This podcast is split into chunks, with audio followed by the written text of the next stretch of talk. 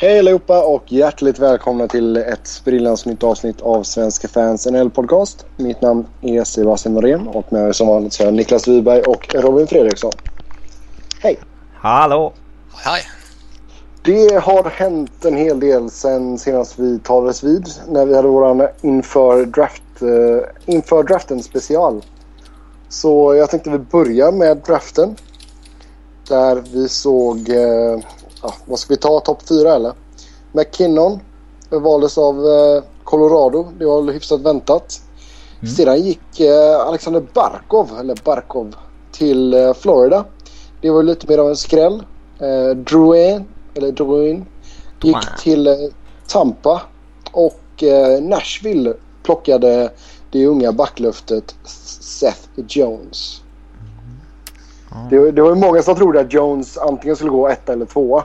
Mm. Ja fast där på draft day det började surras lite om att han kanske skulle falla. Alltså att Florida ville verkligen ha en center och blev det inte McKinnon så tog de second best helt enkelt och mm. tog Barkov. Och det, det kan man väl köpa och jag tror att eh, Tampa hade svårt att säga nej till Martin San Luis långsiktiga ersättare i Drouin. Så att eh, Ja, Drouin Stamkos kommer ju bli farliga. Ja, det tror jag. Lite. Och eh, jag tror ju att eh, Seth Jones bust-risk minskade ganska kraftigt i Nashville där man har ganska goda förutsättningar att utvecklas på ett bra sätt som försvarare.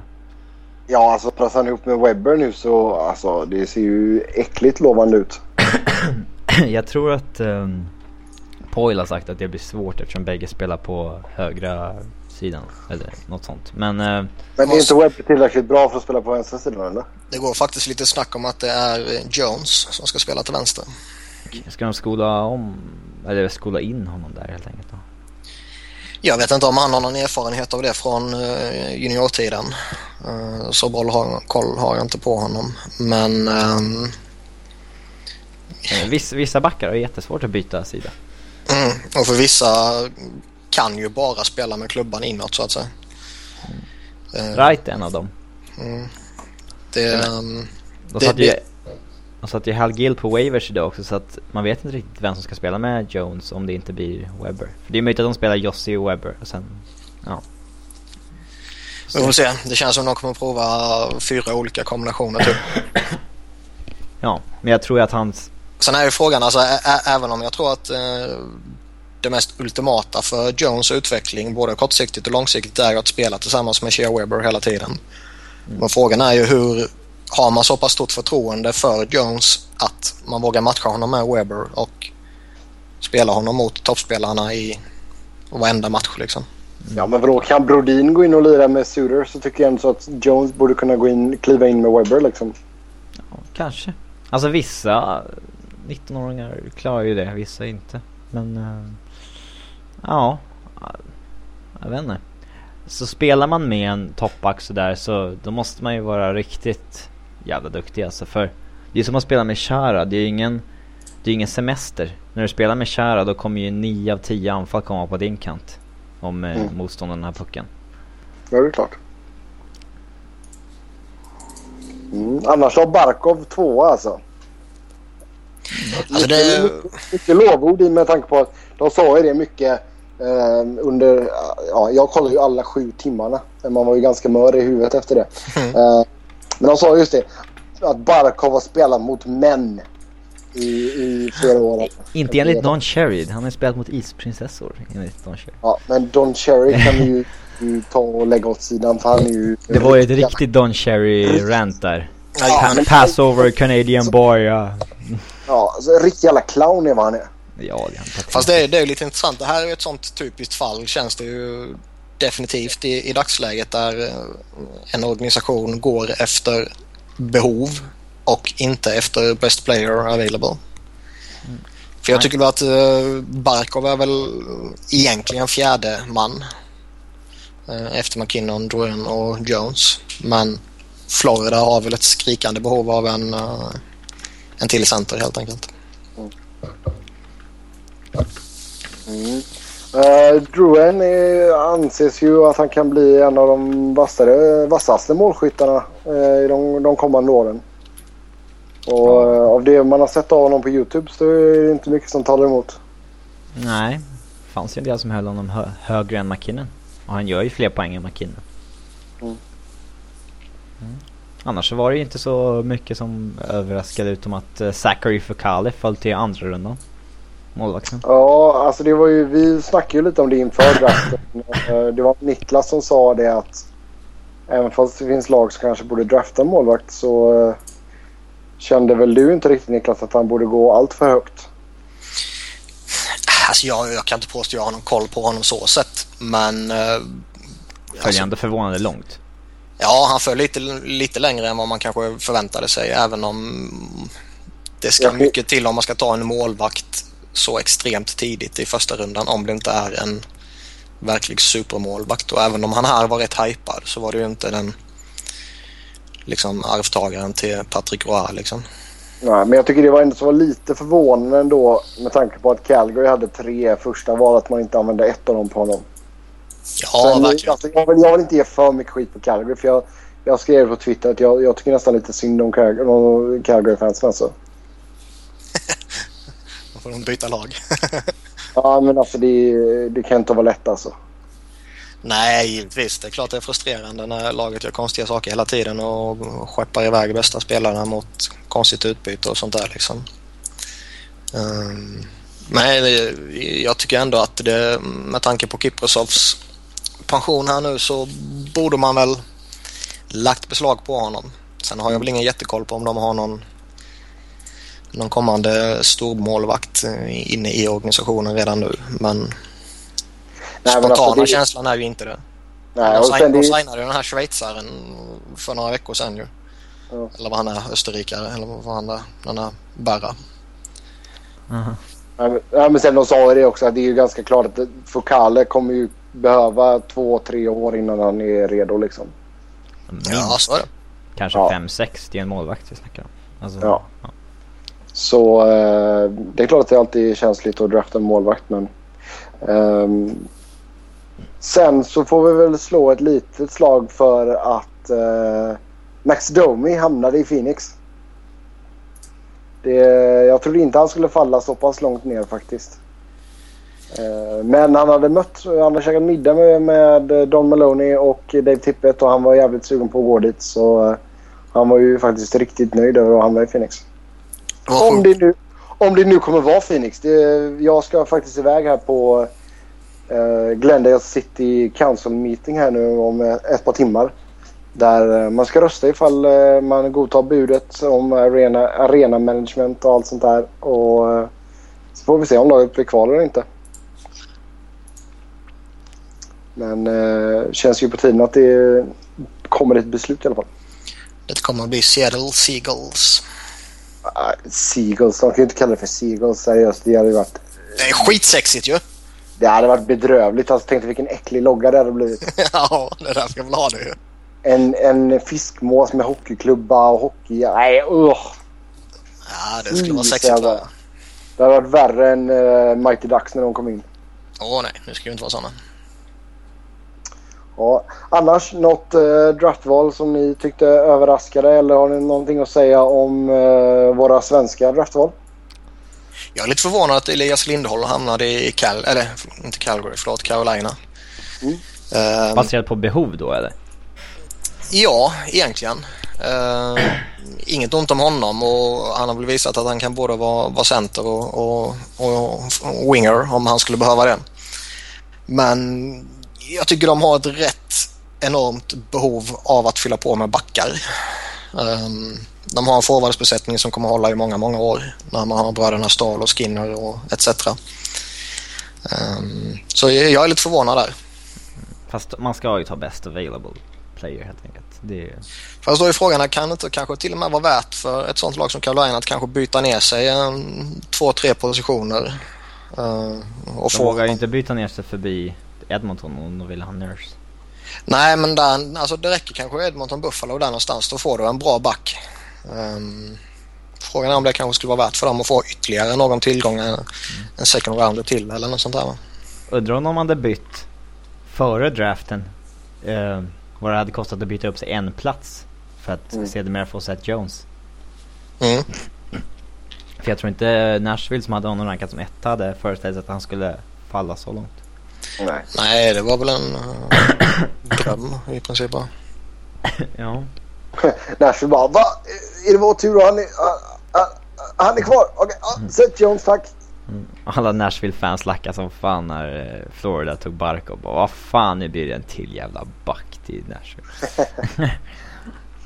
ja. ja. Det var inte en jävla forward hela laget. Nej. Eh, Robin, har du koll på hur många svenskar som draftades? Jag kan inte säga att jag har de numren framför mig.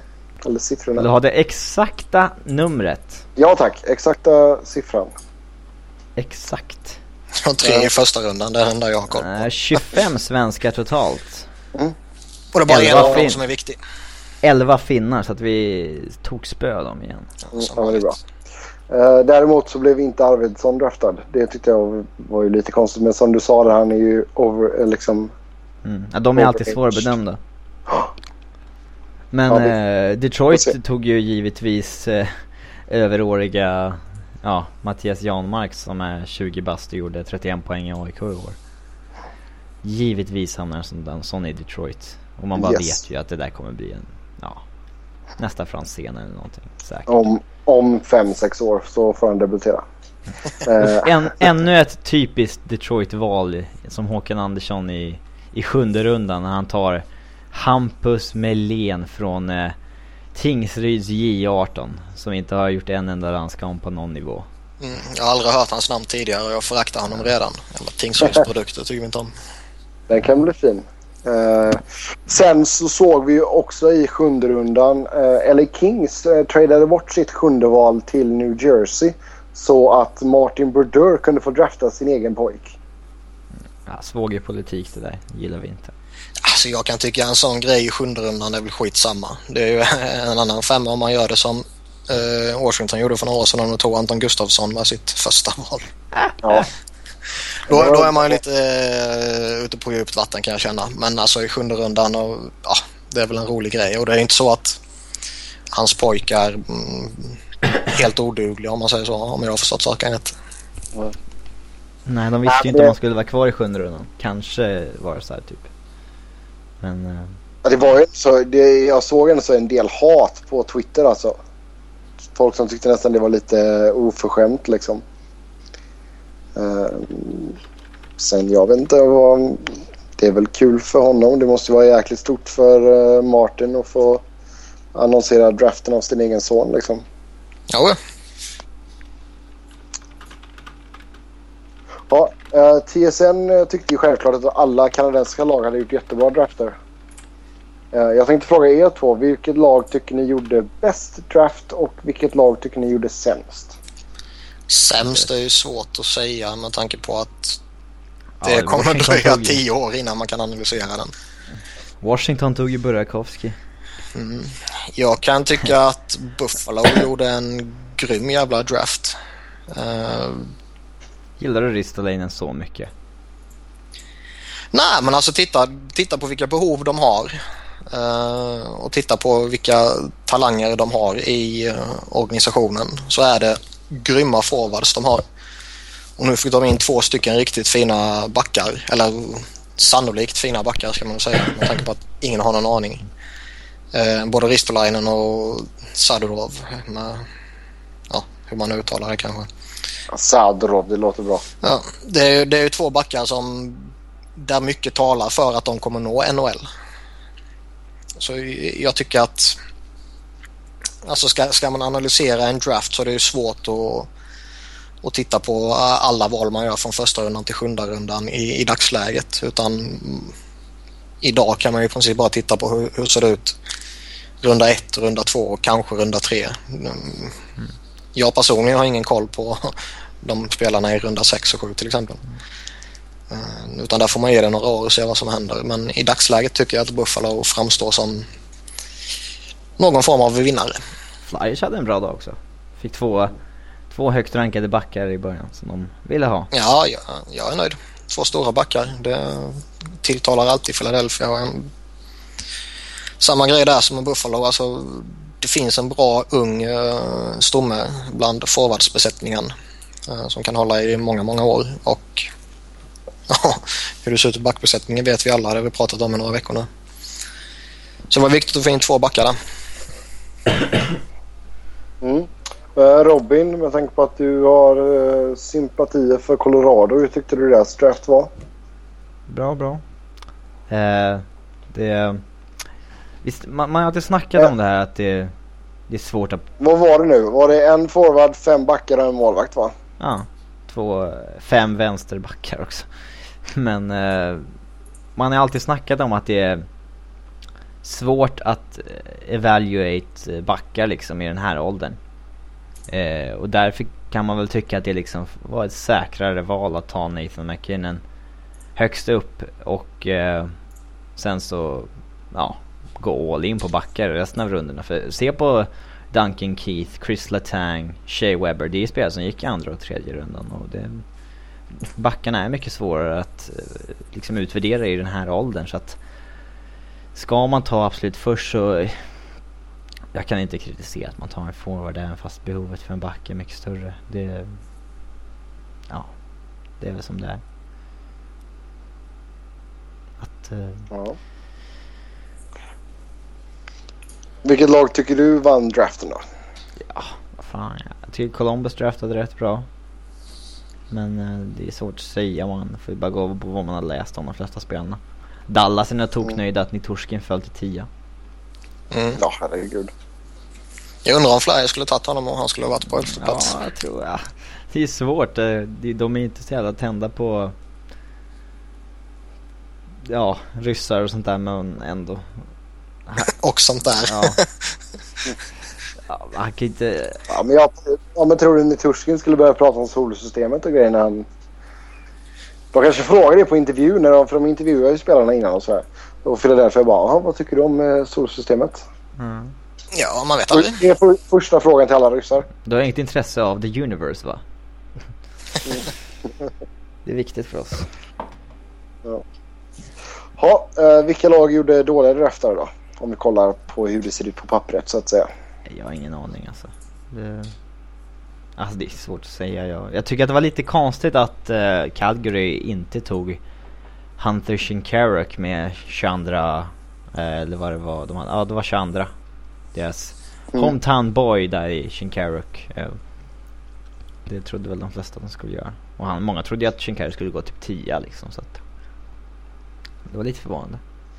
Ja, det var ju en del snack alltså efter, eller precis innan Phoenix gjorde sitt val av Domi där eh, så var det ju ganska många på Twitter då i, i Phoenix-cirklar som sa Shinkaruk. Jag bara nej, nej, nej. Det blir, det blir Domi eller Wemberg. Och jag hade rätt, det blev Domi. Mm. Så det känns ju bra det. Uh, ha, uh, något annat vi vill tillägga om draften? Uh, Gary Batman blev uh, ganska gött utbuad så fort han klev upp. Fast det, han verkar ju... På något sätt verkar han gilla det ju. Han tar det på rätt sätt ja. Han går upp och... Det är så kul när han har en trade annons för då är han ja. så här glad. Då vet han att då kommer de inte... Då kommer de ändå vilja Nej, men det, det roliga var när, när, när de började bua åt honom och såg han upp och säga alltså vill ni höra det eller inte? Ja. Och som i Stal i fjol när han gick upp och sa att byggnaden kommer att vara väldigt intresserade när de mm. var i Pittsburgh. Och Jordan Stahl hade blivit skickad till Carolina. yes. Ha, um, ska vi hoppa över till traderna eller vill ni ta kontraktsförlängningarna först? Det är din uppgift att bestämma som programledare. Ja. Då tar vi traderna med tanke på att det liksom knyter in lite till, till draften. Då. Och eh, en av de stora snackserna på draft day eh, blev ju att eh, Corey Snyder tradades till New Jersey. Och eh, Vancouver fick första rundsvalet och eh, New, New Jerseys första rundsval vilket var val nummer nio idiotia Mike Gillis, säger jag. Men, ja. Där man, man, Vancouver plockade... Bo Horvat. Bo Horvat. Mm. alltså det... En uh, kille som ska vara väldigt allround då. Ja men fan han är något år det... eller två eller tre från NHL så det, alltså det här, hela den här grejen med målvaktssoppan i Vancouver det är ju någonting som Mike Gillis kan och bör få sparken för. Uh, man kan ju börja med New Jersey. Alltså de får ju en grym målvakt. Eh, en mycket kompetent arvtagare till Brodeur. Vi snackar ju lite om eh, just den situationen i draftprogrammet. Och jag tror det här är rätt väg att vandra så att man ersätter honom med en, en befintlig NHL-målvakt så att säga och inte släpper upp någon egen drafted 20-åring liksom. Um, men det intressanta i det här är ju inte från New Jersey sida utan intressant är ju Vancouver. New Jersey gör en um, jättebra trade. Det är ja, men alltså här eh, hela situationen med de här två målvakterna i Vancouver har ju skött så jädra dåligt. Ja. Uh, nu väljer de att skeppa ut Corey Schneider. Från dessutom inte något bra utbyte. Nej, alltså i sammanhanget ett jävla reapris. uh, skulle de tradat honom skulle de ju gjort det i uh, vad heter det, trade deadline. Mm. Uh, och då skulle nog väldigt många lag kunnat överbetala en hel del. Uh, men du vet när det kom ut redan nu här att uh, dels att Toronto plockade in uh, Bernier istället och sen kom det ut att Vancouver inte var sugna eller inte hade möjlighet att köpa ut Longo. Um, vilket är lite udda eftersom betydligt fattigare lag har kunnat köpa ut för rätt dyra pengar. Men det kommer vi till så småningom. Mm. Som sagt, jag, ty jag, tycker hela situationen är uh, fullt berättigat att sparka Mike Gillis för. Ja, alltså, först hanterar han situationen så slappt att han inte fattar att han måste sänka priset på Longo när det fanns intressenter. Så han håller ut i över ett år, sen han inser att okej, ingen vill ha honom, vi måste göra oss av med den bättre målvakten. Och då släpper han honom till ett jävla skitpris liksom. Det är... Ja, de hade ju tydligen bättre offers men uh, att de inte ville trada honom i uh, västra konferensen liksom. Ja, alltså priset han hade inom uh, sin division var väl liksom... Det var väl rimligt. Men bara för att man ska skicka någon, någon annanstans betyder inte att man... Alltså... Kan göra... Att man behöver rea honom? Nej, nej absolut inte. Det... Ja, Alltså skillnaden på priset mellan en, ja, en rival och ett lag man inte ska möta så ofta var ju ja, gigant, mer gigantisk än någonsin. Mm. Yes. Ja, nej, alltså jag håller med där. Det är självklart att New Jersey vann den här traden för jag tror inte att Bo... Även fast Bo Horvath verkar vara en väldigt kompetent spelare så tror jag inte det kommer bli någon, någon stjärna i ligan. Han, han jämförs med Ryan O'Reilly ganska mycket. Men alltså framförallt så kommer han ju inte spela nästa säsong. Nej, det här är ju ingen trade som gör Vancouver bättre och de ska vara en cup contender. Ja, jag menar det de skulle ha det största behovet av i dagsläget är ju med tanke på att de är ju inte tokkörda mot kappen, det är inte det jag menar, men de har ju en bit upp. Eller vad man ska, ja, Ja, jag tror alla fattar vad jag menar. Jag, jag kan inte formulera det bara. Ja, de är hyfsat, de ligger hyfsat upp den äh, löneligan liksom. Ja, det är så jag menar. Ehm, så de, de, de skulle ju behövt en ung kille som kan komma in och spela redan nu på sitt entry level-kontrakt. Ja. Ehm, och kanske fylla ut i en topp 9-roll eller något sånt här. Topp 6 kanske till och med. Det var ju därför det var väldigt mycket snack om uh, Alex Edler också. Det var väldigt mycket snack om honom nu på äh, draftdagen där. För han hade hans no trade-klausul trädde ju i kraft äh, första juli. Mm. Så äh, det var ju en hel del telefonsamtal där men det verkar inte vara något bud som var tillräckligt för att Vancouver skulle nappa. Nej och sen de var väl inte desperata att göra sig av med honom heller.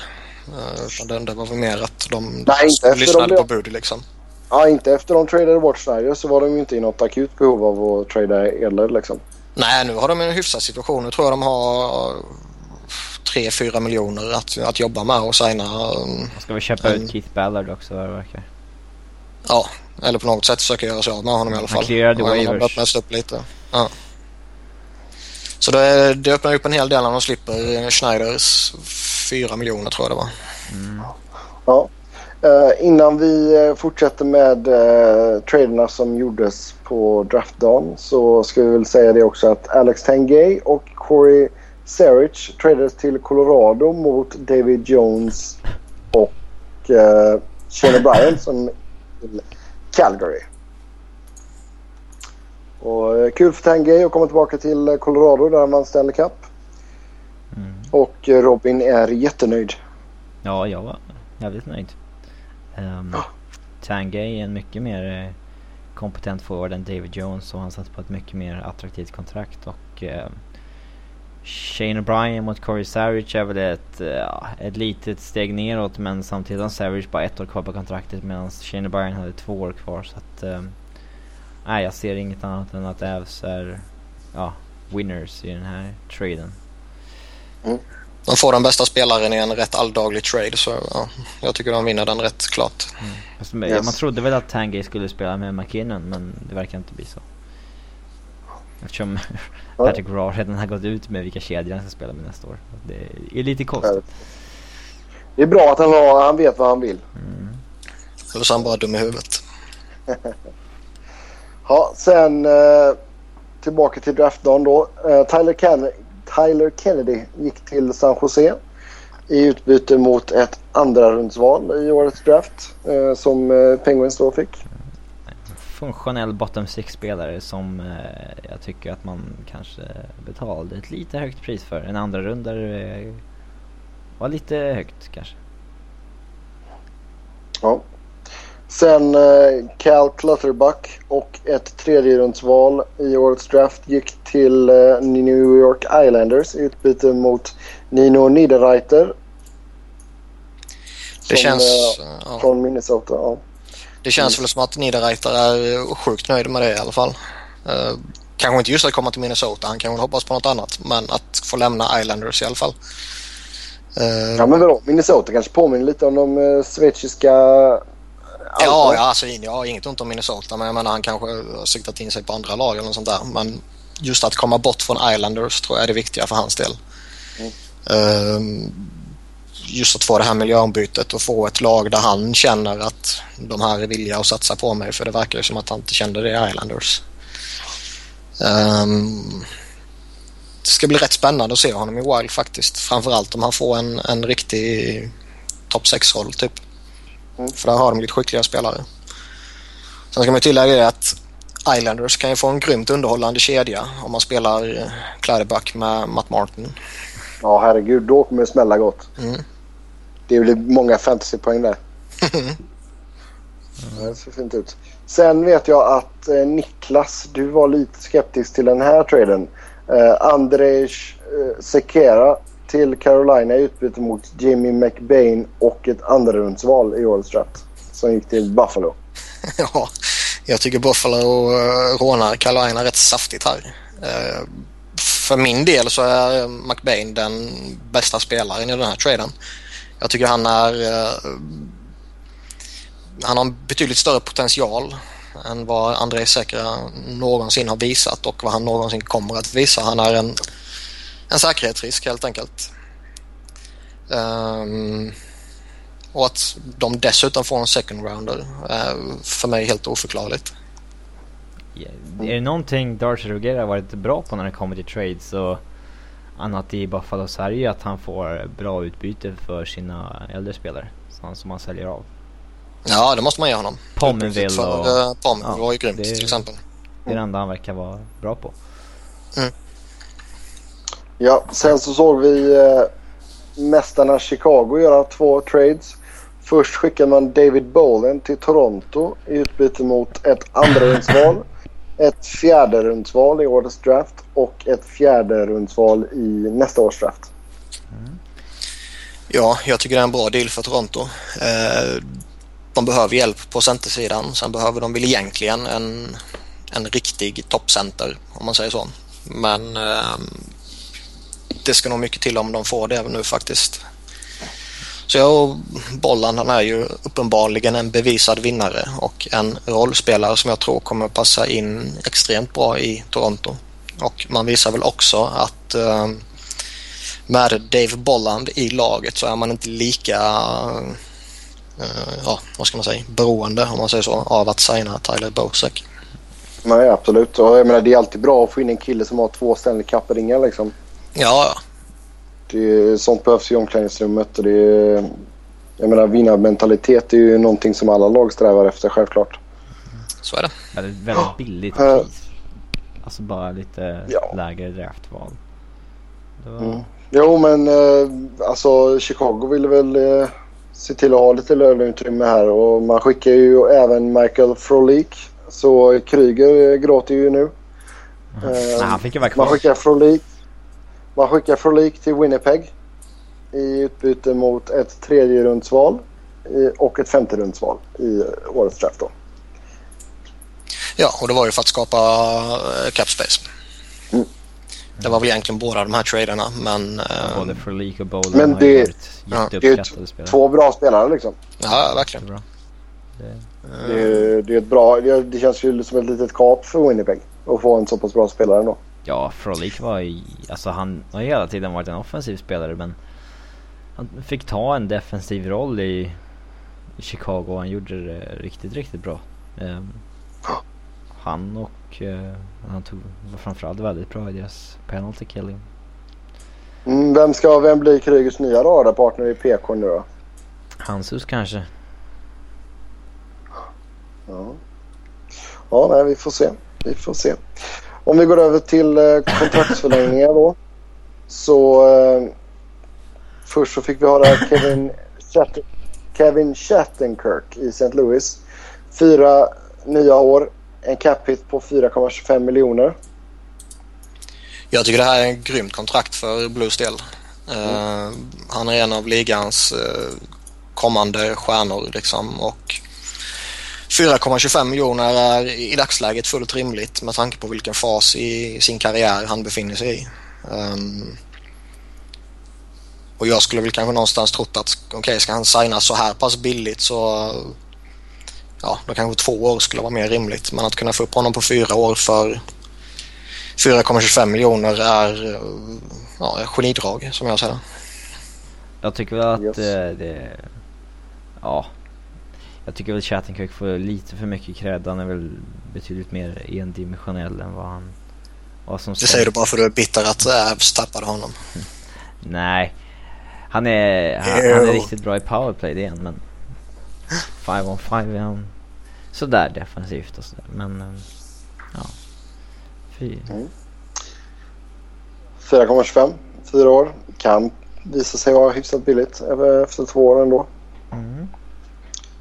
Eh, Sen eh, Pittsburgh gjorde klart med Chris Kunitz eh, en kontraktsförlängning. Tre år, 3,85 miljoner cap hit som gäller från och med säsongen 2014-2015. Ja, bra att hålla honom under, under fyra tycker jag. Det är klart att han eh, inte kommer vara lika bra i slutet på det här kontraktet i och med att han börjar bli gammal men ändå bra att hålla honom. Nej, men jag, jag tror ändå han är en forward som även om produktionen dippar lite så tror jag fortfarande han kommer vara en effektiv eh, forward. Ehm, sista året kanske inte han är en forward som spelar jämte Sidney Crosby i första kedjan. Utan då kanske han går ner i en tredje kedja eller någonting och kommer fortfarande vara effektiv tror jag. Så länge han inte får ett skadehelvete eller något sånt där. Men det, det kan ju vem som helst få. Nej, men han är, han är, riktigt, han är Yes. riktigt bra. Han förtjänar definitivt sådana där pengar. Han hade ju kunnat fått mycket mer. Tror jag om han hade gått ut på öppna marknaden om ett år. Så är det. En spelare som fick eh, bra betalt, eh, också en Pittsburgh-spelare. Eh, Chris Letang, eh, 8 år, 7,25 miljoner cap hit. Detta är inte officiellt än, men uppges att vara quote on quote klappat och klart. Nu är det officiellt. Nu är det officiellt. Det skrev jag ju till dig, Sopa. Ja, herregud. Men det, Breaking news! Jajamän. Det var Ja. väl lite, eh, om man får tro det som snackas och spekuleras på Twitter så var det lite det som drog ut på tiden. Efter att de i princip hade kommit överens om det här kontraktet så var det ju eh, den så kallade Jeff Carter-klausulen. Eh, Att Letang verkade vilja ha garantier om att han inte skulle riskera att tradas innan det nya kontraktet kickar in. För han har ju fortfarande ett år kvar på sitt nuvarande kontrakt och där har han ingen no trade-klausul. Men det får han i sitt nya här då. Eh, och ska man då tro Ray Shero så var det inte det som... Eh, det var ingenting som han ville ge honom för några dagar sedan i alla fall. Sen vet jag inte om det har kommit något nytt nu. Känns det inte som att 7,5 är- eller 7,25 är bra betalt ändå. men alltså det är bara att titta på vad, vad, vad ligger stoppbackar på. Uh, 7,25 miljoner för en back under det gamla kollektivavtalet skulle varit ett överpris. Eh, men nu kan man inte fuska på samma sätt. Det har vi sagt på varenda jävla kontrakt som har skrivit hittills att det är helt andra regler som gäller nu. Mm. Titta vad toppspelarna tjänar så är det här ett fullt rimligt kontrakt. Sen kan man alltid diskutera om längden är så vettigt. Eh, det är väl snarare där som eh, fokus bör ligga på i diskussionen om det är ett bra eller ett dåligt kontrakt. Och jag tycker väl det är lite overkill men sen samtidigt en, en toppspelare i den egna organisationen kommer alltid få åtta år liksom så är det. Mm. Ja, för han kan ju inte... Ja, en sån spelare har inte riktigt rätt att gnälla om medspelarna inte blir lika bra längre. I och med att han in i det sista skulle ha absolut det mesta av sitt värde. På, det var ingen hometown discount direkt. Nej, det, jag menar jag, jag klagar inte som Philadelphia-supporter på att de har väldigt mycket pengar uppbundet på tre spelare nu bara. Så det, det är väl bara positivt. Ja. Ja, alltså det är väldigt mycket pengar som är uppbundna nu i Malkin, Crosby och Letang. Mm. Ja, eh, sedan så gick eh, Mike Smith och eh, kritade på för eh, Phoenix. Eh, ett eh, sexårskontrakt eh, med en cap hit på 5,66 miljoner vilket gör honom näst bäst betald i laget. Mm. Det är bara Antoine Vermette som har, eh, eller vad säger jag? Han är bäst betald i laget, ursäkta mig. Mm. Um, I alla fall capita-mässigt. Ja, capita-mässigt ja. Det är han och sen uh, Ekman Larsson och Shane Doan. Oh, alltså jag, jag, tycker det är ett märkligt kontrakt. Uh, å ena sidan känns det uh, på något sätt rimligt. Uh, det är en målvakt som fungerar väldigt väl i Phoenix. Uh, det har han visat nu i en och en halv säsong. Om, om man räknar den gångna säsongen som en halv bara. Um, men någonstans bör man väl ändå vara orolig över det faktum att han var medioker innan han kom till Phoenix. Och... Ganska medioker den här säsongen. Ja, alltså, ja alltså, han, han, han, han var inte... Medioker var han ju inte, men däremot hade han lite skadeproblem och grejer. Ja, men han var ju inte grym. Han var ju okej. Okay. Nej, var han inte. Han var okej. Okay. Men jo, alltså, jag tycker inte att detta är ett bra kontrakt någonstans. Jag, alltså... Hade de signat Visst, efter, alltså, man, eh, efter succéåret? Efter ja. Då hade man ju liksom, ja, det är klart han ska ha det där men jag tycker han sänkte sitt värde lite i och med den här säsongen. Hade han fortsatt på samma siffror så hade man ju liksom, ja, det är klart att de måste ge en sådana här pengar annars så sticker han ju bara. Men... Uh... Jag, ty jag tycker fortfarande inte han är förtjänt, för, alltså visst, två miljoner efter det grymma slutspelet han får uh, liksom... Uh, efter det grymma slutspelet han gjorde. För förra säsongen då. Då kan jag se att han kanske kunde landa på upp mot fem. Men alltså, ja, det här är potential att bli ett riktigt skitkontrakt om några år. Men att gå från, från, att gå från 2 miljoner till 5,66 eller vad det nu är. Um, och så pass många år för en målvakt som är hyfsat skadebenägen och 31 år gammal. Det, det känns inte alls bra. Det ska bli spännande också att se, alltså lek med tanken att tippet lämnar om två år. Uh, och beroende på vad det är för snubbar som kommer in så kan ju förutsättningarna för Mike Smiths eventuella framgång förändras rätt saftigt. Ja, absolut. Alltså, samtidigt så sätter ju detta lite käppar i hjulet för en eh, väldigt ung och lovande målvakt som de har i eh, farmalaget, eh, Mark Vesentin, som eh, ser riktigt skarp ut. Men är fortfarande väldigt ung då. Men alltså... Jag tror att grabben är 21 nu. Uh, och jag menar, han kommer inte vänta tills han är 27 liksom. Nej, det är klart.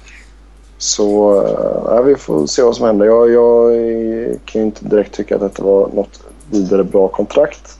Uh, jag kan köpa cap-hitten men jag... Sex år tycker jag var alldeles för långt. Mm.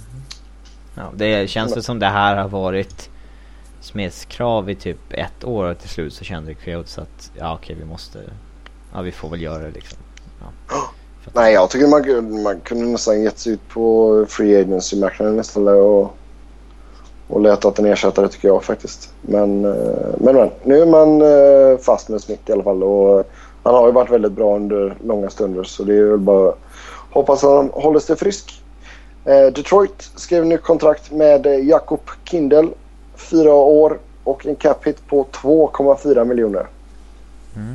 Jag tycker att det är ett jättebra kontrakt från Detroits sida. Um, Kindle hade en svinbra säsong och uh, jag trodde väl att han skulle signa 2,4 på typ uh, två år som en bridge deal. Uh, innan han skulle kanske få ett större kontrakt men ja, jag har svårt att se det här som ett negativt kontrakt för Detroit.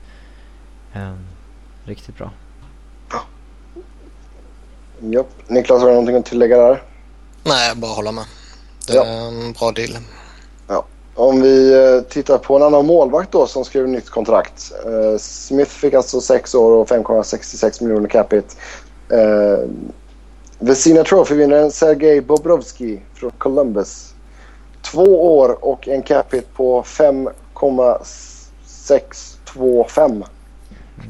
Alltså, med tanke på hur bra han var i år så är det ju svårt att säga att han inte är värd sådana här pengar. Alltså, med tanke på att han bara skrivit två år så är det ju okej okay också. Hade de skrivit det här på typ sju år direkt då hade det varit för mycket för eh, baserat på hur kort tid han har varit bra. Ja. Men eh, det är klart, alltså vinner man Vesina Trophy och har ett bud på 10 miljoner dollar per säsong från KHL där man typ inte behöver skatta för det heller. Då kan jag ändå förstå att man ja, vill ha 5,6 i NHL och att man landar där någonstans. Det ja, jag, jag hade alltså, också signat på de där pengarna. Alltså, hur, nära, hur nära tror ni att det var att han gick till KHL? Inte alls nära. Jag tror bara det, det var förhandlingsläge. Bargaining tools. Ja. Men alltså å ena sidan så känns det ju som att Columbus egentligen inte hade något val här. Uh, visst, man kunde släppt honom antingen som UFA till något annat lag eller, eller ja, förlåt, RFA. Är han väl, eller skulle vara rättare sagt. Ja. Uh, eller släppt honom till Ryssland liksom. Men vad fan skulle man tagit in då istället? Ja, de tradade ju Mason. Det hade ju varit helt tomt. Ja, han typ Michael Layton. Um, så liksom å ena sidan hade man inget val här. Uh, två år, fine whatever. Det, det är ingenting som kommer spöka för dem. Nej, andra han får ju så... två år på sig att bevisa att han ska ha det här på ja, long term också. Ja, ja, nej men så är det ju. Sen samtidigt det, det är en spelare som för 48 matcher sedan var en billig backup. Um, ja, för 20 matcher sedan nästan till och med. Det, det var ju först när de bestämde sig för att satsa på Bobrovski som han blev svinbra. Innan mm. dess hade ju Steve Mason bättre siffror till och med. Så alltså det... Jag har svårt att förhålla mig till det här kontraktet för det, det känns nästan som att man behöver se honom spela lite när man kan utvärdera det här kontraktet fullt ut. Eh, det kan man säga om alla kontrakt givetvis, det är inte så jag menar, men just Bobrovski känns extremt... Eh, det är ett osäkert kort, så enkelt är det. Mm. Yes. Uh, Brian Bickle hade ju ett jättefint slutspel med Chicago och uh, fick uh, lyfta bucklan till slut.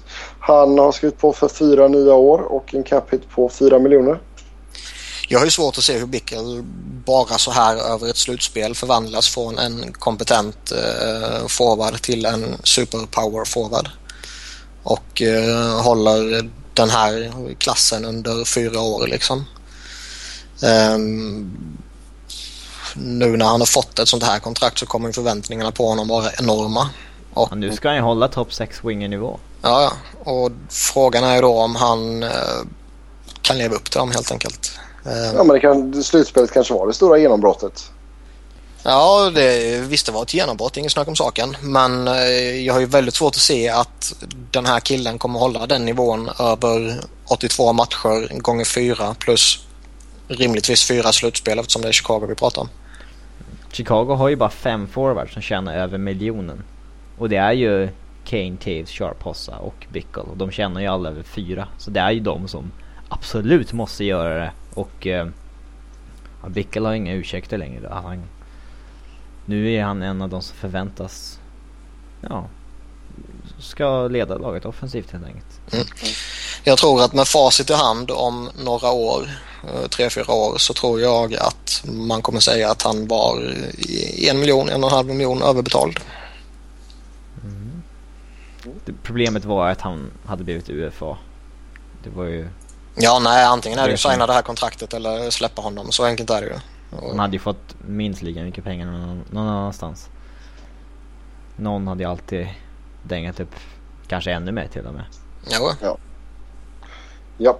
Sedan eh, Danny Subers i New Jersey. Tre nya år, 3,1 miljoner i capita. Mm. Alltså det är, det är en spelare som har tappat ganska mycket. Men å andra sidan så Devils har sjukt mycket cap space och sjukt få spelare signade så att eh, ja man hade väl, man behövde väl ta in Subers men alltså eh, 3,1 på ett 35 plus kontrakt. Han spelade 22 matcher i fjol. Ja. Jag tycker ändå det är en schysst eh, deal. Det, mm, visst, det finns lite frågetecken kring honom och man ska alltid vara lite skeptisk till 35 plus kontrakt. Um, men som sagt, jag, jag, jag, tycker inte det är en bra deal men jag tycker inte det är en dålig deal heller. Uh, det är en klok veteran som gör sig bra i deras system. Uh, man vet vad man får av honom. För Devils är det ju inget tokproblem. De har ju så jävla mycket cap space. Och de, ja. Det är ju det som, ja. Japp. Då lämnar vi kontraktsförlängningarna där och så går vi till eh, buyouts. Och Eh, Chicago gjorde två stycken. Steve Montador 2,7 miljoner kostar han. Och Rostislav Olic 2,8 miljoner kostar han. Mm. Ja, det var ju väntat att det här skulle ske. Eh, de gjorde ju ingenting alls i Chicago och eh, det är en del spelare som var viktiga under deras cupseger här nu som ska ha lite nya kontrakt. Bickel fick sitt till exempel. Och, ja, det var ju för att dels bli av med dåliga spelare och dels för att få capspace. Så det, det var väl rätt väntat att det här skulle ske. Ja, ser ni någon av dem eh, få nya jobb i NHL? Jag tror Ålers får nog söka sig till eh, KHL eller något sånt där. Eh, Montador, det är väl inte omöjligt. Han signar för jättebilligt i något random bottenlag liksom. Mm. Yes. Sen eh, Rick Di Pietro som har eh, hängts ut en del i den här podcasten. Vi tycker väl, vi har väl inga högre tankar om den här målvakten. Du har inte eh, några högre? Vi jag, har, jag har verkligen inte det. Jag tycker han är totalt värdelös. Fast gre grejen är att han var ju bra en gång i tiden. Sen blev han skadad. Eh, det är svårt att kritisera en målvakt för att ha blivit skadad. Det är svårt att kritisera en snubbe som skriver på ett sånt kontrakt som han fick. Ehm, det som är intressant med den här grejen det är ju att det här kontraktet har ju varit väldigt viktigt för Islanders genom åren för att ta sig över lönegolvet i princip. Mm. och nu senaste säsongen har kryddat med Tim Thomas-fusket. Eh, Så det är lite intressant om det här på något sätt signalerar en ny satsning hos Islanders. Um, jag menar det hade varit kul om de tog in lite spelare som de eh, använder liksom. Ja men det är det jag menar. Alltså, ja. Betalar man nu faktiskt för spelare som kan göra laget bättre? Eh, eller kommer man hitta nya sätt att fuska på? För det är ju det de har gjort hittills. Man har ju 32 mille i cap space. Mm. Um, och man har utgående på Cal Clutterbuck, uh, uh, Brad, Brad Boys. Alltså inga större namn. Det är väl typ Nabakov som man borde, när man har sådär jävla mycket cap space, betala upp för tycker jag för att behålla. För han, visst han var inget, han var inte grym i slutspelet men han var ändå en av anledningarna att de gick till slutspel. Mm. Um, men ja, det ska bli intressant att se vad de gör på Free Agency för att de uh, har ju enormt mycket cap space och måste ju spendera. De måste ersätta Mike Strite och lite annat så att uh, ja. De ska bli intressant att följa. Jag förstår fortfarande mm. inte varför de inte bara betalade upp vad PA Parent ville ha för ett år sedan. Det, ja. Ja, istället för att ta in Thomas liksom. Eller Thomas lön. Mm. Eller Capsen. Ja, säga. I alla fall, 24 miljoner kostar eh, Di Pietro totalt att uh, köpa ut. Han får väl... Ja, det är väl utspritt på, vad är det? 16 år? 2029. Han är strax under 50. Ja, det är härligt. Kommer, kommer sista checken. Ja, det är bra. Kan han gå i pension där. Uh, jag ser ju inte att Di Pietro uh, återvänder till uh, NHL. Eller kanske ens hockey överhuvudtaget. Nej, alltså antingen lämnar han ju den här businessen helt och hållet eller så blir han ju typ tv-expert eller något sånt där. Ja. Alltså han är ju för skadad för att lira. Det är ju det. Hade det varit en skada som man typ nu hade fått ordning på eller någonting, då hade man ju liksom kanske kunnat bjudit in honom till sin camp, signat på ett uh, väldigt billigt kontrakt och liksom gett han en chans någonstans. Men uh, när man bara åker på nya och nya skador hela tiden. Det... Vänta, vänta bara. Örebro chockar, tar in stjärnmålvakt. ja. Uh, ja, nej. Eh, sen så Vinny LeCavalier blev utköpt av Tampa Bay. Han hade ju en väldigt hög cap hit. Den låg ju på eh, över 7 miljoner.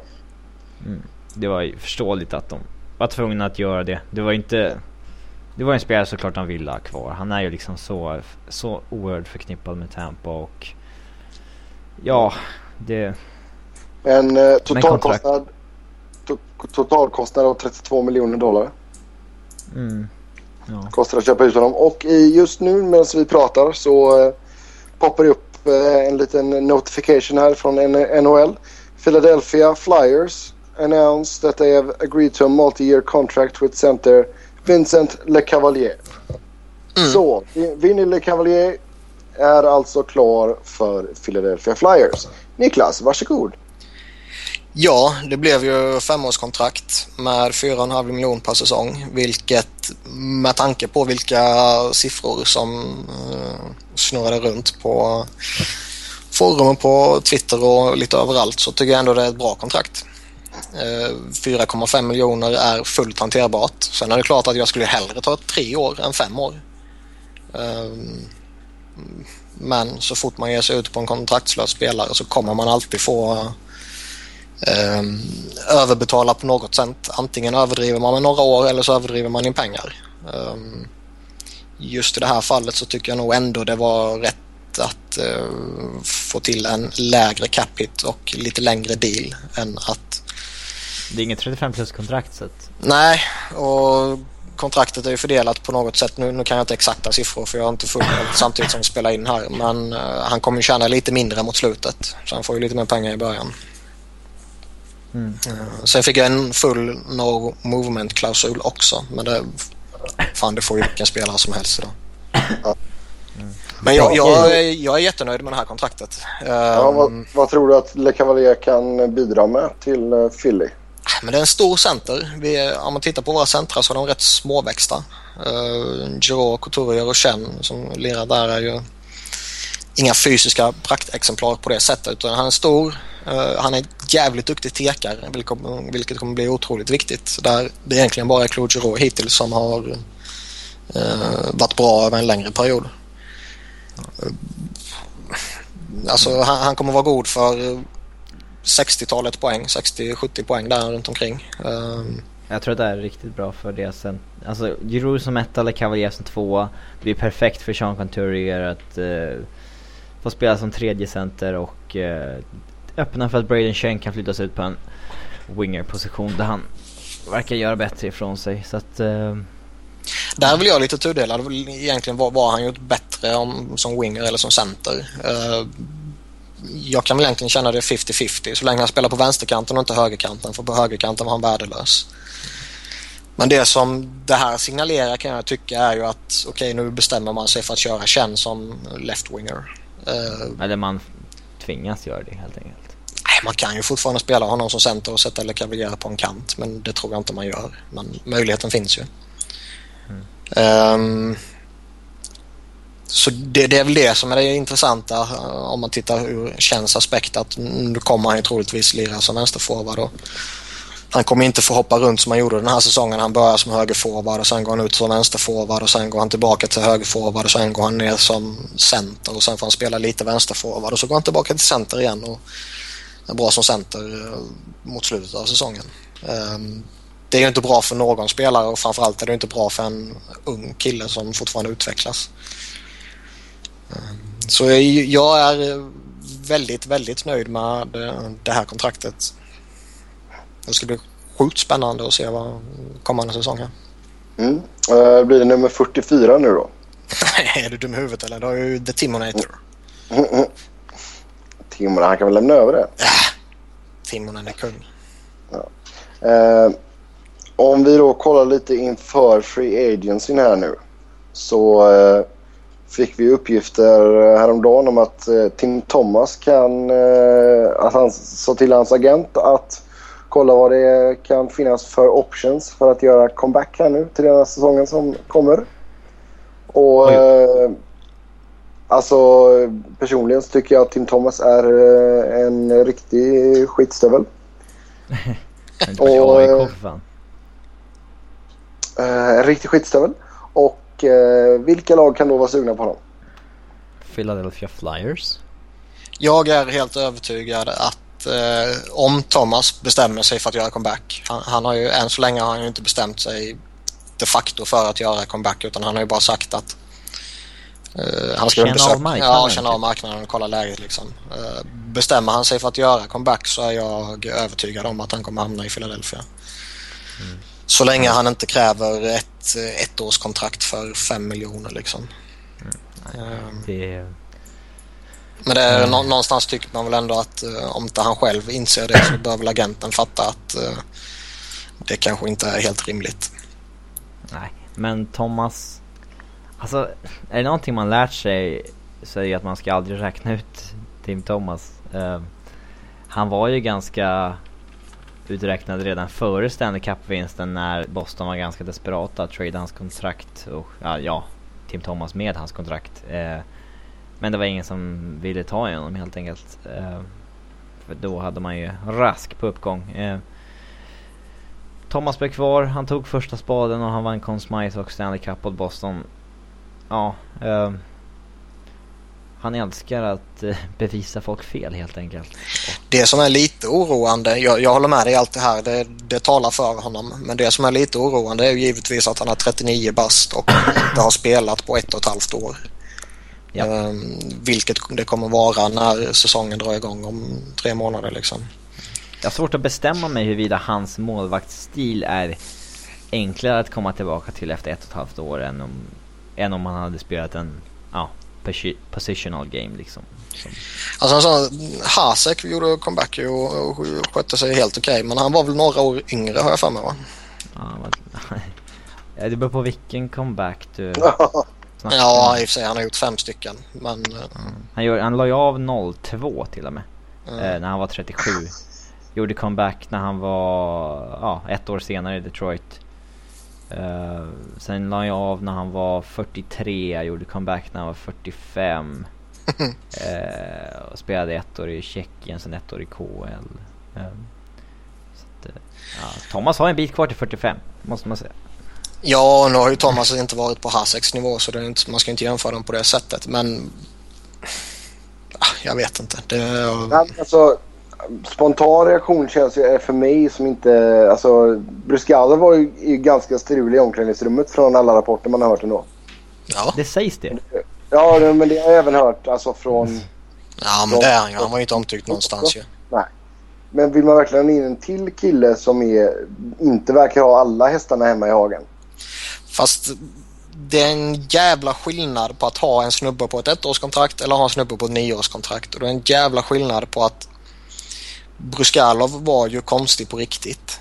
Eh, har man ju märkt nu. Thomas är ju bara kontroversiell om man säger så.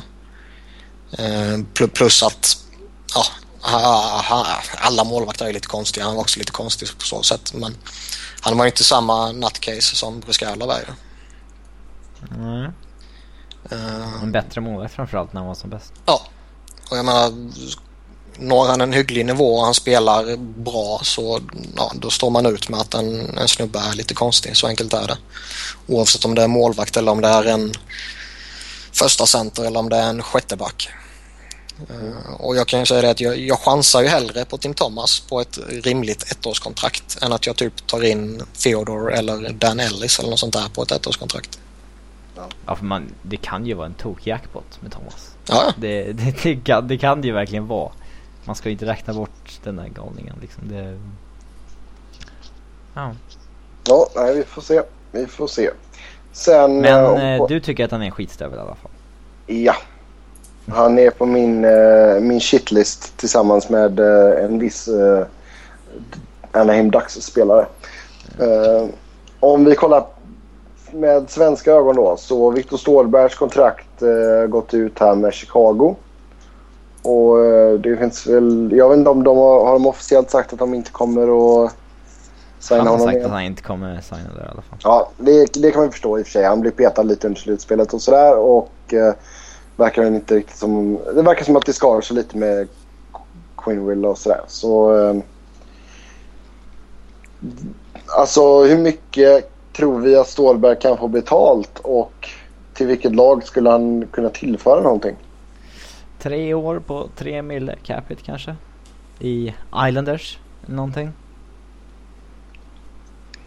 Ja, alltså hade killen haft lite... Alltså det har varit lite snack om hans hockey-IQ, att inte det är det bästa. Och hade han haft lite... Alltså jag hade fortfarande gärna sett honom i Phoenix för jag tror han hade passat bra in där. Uh, Alltså han- framförallt, han- han- Men framförallt med sin speed där liksom. Han och, han och Böttger eller han och Korpikoski liksom. Det, jag tror det hade kunnat funka ganska bra. Fast det, idag är han ju... På den, på den nivån han ligger idag så är det ju en, en forward som du... Ja, du kanske har han i tredje kedjan. Eh, där är han en tillgång med framförallt sin skridskoåkning och kombinationen skridskoåkning slash eh, storlek. Men eh, ska han vara en tillgång högre upp i, i kedjorna så måste han ju, som, du är inne på, han måste ju bli lite smartare och lite bättre på allting liksom. Men det, det är en schysst spelare att ha en tredje kedja som man vid eventuella skador under en kortare period kan hiva upp i en andra första kedja till exempel. Eh, Jag tror han skulle passa in väldigt bra i väldigt många lag. Eh, Islanders kan nog vara ett lag som hostar upp lite cash för honom. Um, någonting säger mig att Detroit kommer spana på honom. Ja, det sägs det redan Detroit De, ver- de, Mm. de verkar ju gilla svenskar i Detroit. Och det, det känns som en kille som, om man tittar på vilka spelare de har och har haft de senaste åren i sin eh, i sitt lagbygge i de lite lägre kedjorna så känns det som en spelartyp som skulle passa in väl där. Men Robin säger 3 miljoner. Vad, hur mycket du, tycker du att Stålberg är värd? Strax där under. Mm. Sen är det ju alltid öppna marknaden så det är svårt att säga det. Jag tror Ja. han kommer signa för 3,0 på tre år någonstans. Mm, Ja, det är ändå rätt rimligt med tanke på att han är på marknaden. Mm, vi får se om Rob. Robin har rätt där. Ehm, sen så tänkte jag vi kan snacka om eh, Jaromir Jagr. Som eh, vi alla tycker väldigt mycket om tror jag. Ja. Jag vet att Niklas gillar honom. Jag gillar honom som fan. Ja, men nej, alltså, tycker man inte om Jaromir Jagr så är man ju dum i huvudet ju. Um, sen kanske inte Pittsburgh-fansen tycker om honom men då, då, där är min fråga redan besvarad liksom. Um, Jagr tror jag eh, kommande säsong kanske inte är den forwarden som kommer sätta upp jättemånga poäng.